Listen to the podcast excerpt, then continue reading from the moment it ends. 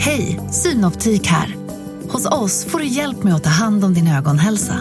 Med vår synundersökning kan vi upptäcka både synförändringar och tecken på vanliga ögonsjukdomar.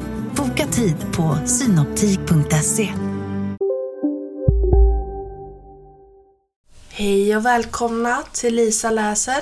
Det är jag som är Lisa. Och idag ska jag läsa Pelle flyttar till Konfusenbo.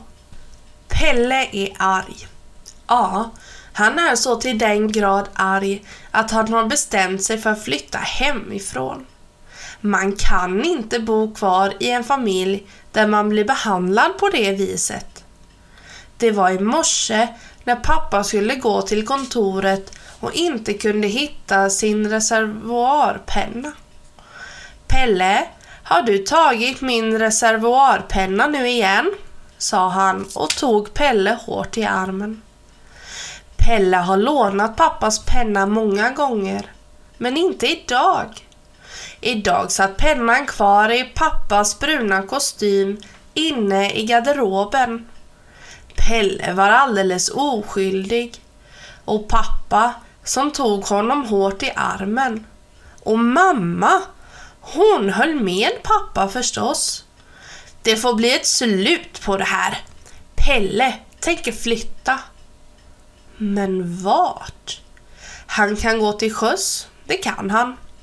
På havet där de stora skeppen och de stora vågorna går, där kan man dö.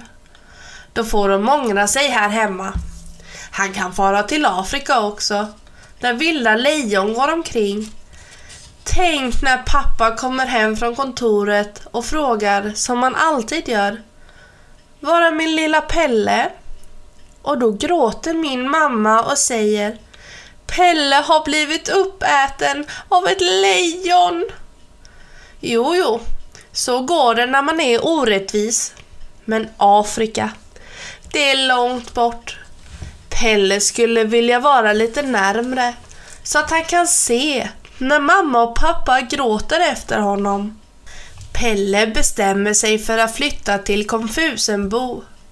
Konfusenbo, det är det lilla röda uthuset nere på gården med ett hjärta på dörren. Dit ska han flytta. Han börjar genast att packa. Sin boll och sitt munspel och tomtebobarnen. Och så ett ljus. För det är ju julafton om två dagar och Pelle tänker fira jul i Konfusenbo. Då ska han tända sitt lilla ljus och sitta där och spela Nu är det jul igen på munspelet. Det kommer låta mycket sorgligt och det kommer att höras hit upp till mamma och pappa. Pelle tar på sig sin fina ljusblå överrock och skinnmössan och vantarna. Och så tar han den stora papperspåsen med bollen och munspelet och ljuset i ena handen och tomtebobarnen i den andra. Och så går han en lov genom köket för att mamma ska se att nu flyttar han.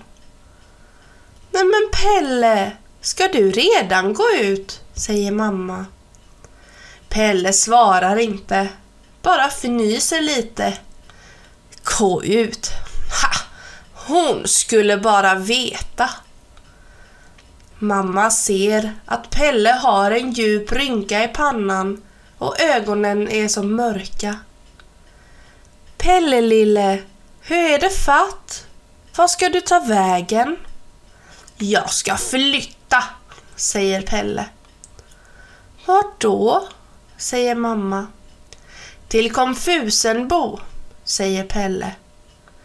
Men Pelle, det kan du inte mena. Hur länge ska du bo där? Alltid, säger Pelle och lägger handen på dörrvredet. Så kan pappa skylla på någon annan när hans gamla penna kommer bort. Snälla rara Pelle, säger mamma och slår armarna om honom. Vill du inte stanna hos oss i alla fall? Vi är kanske orättvisa ibland, men vi älskar dig så mycket. Pelle tvekar. Men bara ett ögonblick. Sen skjuter han undan armarna och ger henne en sista förebrådande blick och vandrar ut för trapporna. Mamma tittar ut genom matsalsfönstret och ser en liten ljusblå figur försvinna in genom dörren med hjärtat på. Det går en halvtimme. Då hör mamma några svaga munspelstoner nere från konfusenbo. Det är Pelle som spelar Ack Värmland du sköna. Konfusenbo är en riktigt hemtrevlig plats, tycker Pelle. Till att börja med har han lagt upp Tomtebobarnen och bollen och munspelet så hemtrevligt som möjligt. Och det lilla ljuset, det har han satt i fönstret. Åh, hur sorgligt det kommer att stå där och lysa på julafton. Ifall mamma och pappa råkar titta ner till honom från matsalsfönstret. Vid matsalsfönstret brukar julgranen ha sin plats. Julgranen ja. Och, och julklapparna. Pelle sväljer. Nej, han tänker inte ta emot några julklappar från folk som påstår att han tar reservoarpennor. Han spelar Ack Värmland du sköna en gång till. Men tiden blir så lång. Så lång i Konfusenbo. Undrar just vad mamma gör. Pappa måste väl också vara hemkommen nu. Så länge som Pelle har suttit här. Han skulle så gärna vilja gå upp i våningen och se om de gråter mycket. Men det är svårt att hitta på någon anledning. Då kommer han att tänka på en sak. Han pillrar raskt av haspen och går. Nej, han nästan springer över gården och upp för trapporna. Mamma är fortfarande i köket. Mamma, säger Pelle.